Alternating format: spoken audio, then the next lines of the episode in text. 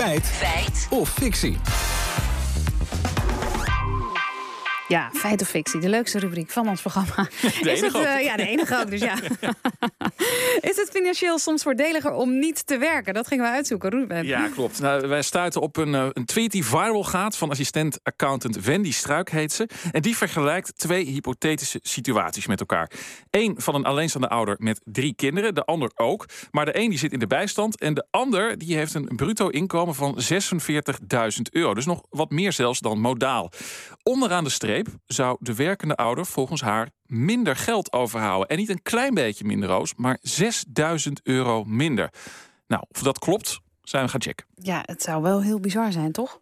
Ja, dat, dat, ja, dan zou de bijstand dus meer lonen Ja. dan werken. Maar klopt het ook? Nou, we begonnen bij Wendy Struik zelf, die de tweet verstuurde. En we vroegen aan haar hoe, ze, hoe het kan dat mensen met zo'n verschillend inkomen ongeveer eh, hetzelfde zouden overhouden. Dat heeft voornamelijk te maken met de toeslagengrens. Dus bijstandsgerechtigden of lage inkomens hebben recht op toeslagen. Daarnaast is het ook dat er allerlei potjes zijn. En eh, ja, werken brengt gewoon kosten met zich mee, zoals autokosten, kinderopvangkosten. Betaal je ook inkomstenbelasting.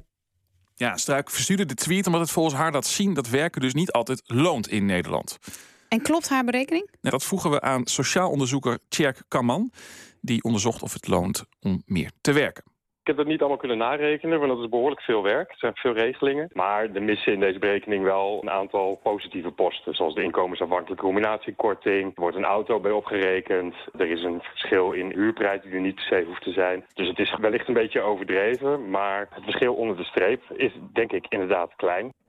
Oké, dus klopt het algemene beeld dan, is de Ja, vraag? financieel journalist Martin Visser die zegt van wel. Het is volgens hem zelfs een bekend probleem.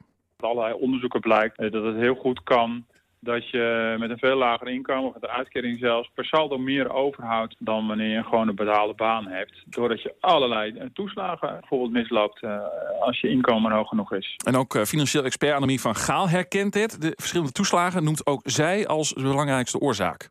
Als je een tientje meer verdient, dan valt een toeslag weer terug. Als je gaat werken, dan heb je ineens te maken met bijvoorbeeld je eigen bijdrage voor de kinderopvang. Of eh, je krijgt geen kwijtscheldingen van de gemeentelijke heffingen meer. Ik vind dit echt een blamage voor een land als Nederland.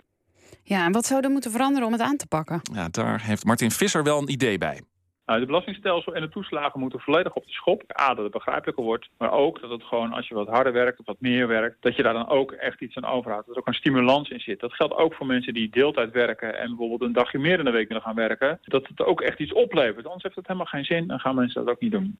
Nee, dus klopt het dat deze hypothetische bijstandsgerechtige meer geld overhoudt dan iemand die 46.000 euro per jaar verdient? Nou, het algemene beeld, dat herkennen de experts wel. Of het inderdaad om 6000 euro op jaarbasis gaat... dat eh, de bijstandsgerechtigde meer overhoudt. Ja, dat is wat lastiger te checken. Daar lijkt het ook niet op. Maar dat werken niet altijd loont in Nederland... ja, dat is wel echt een feit. Feit.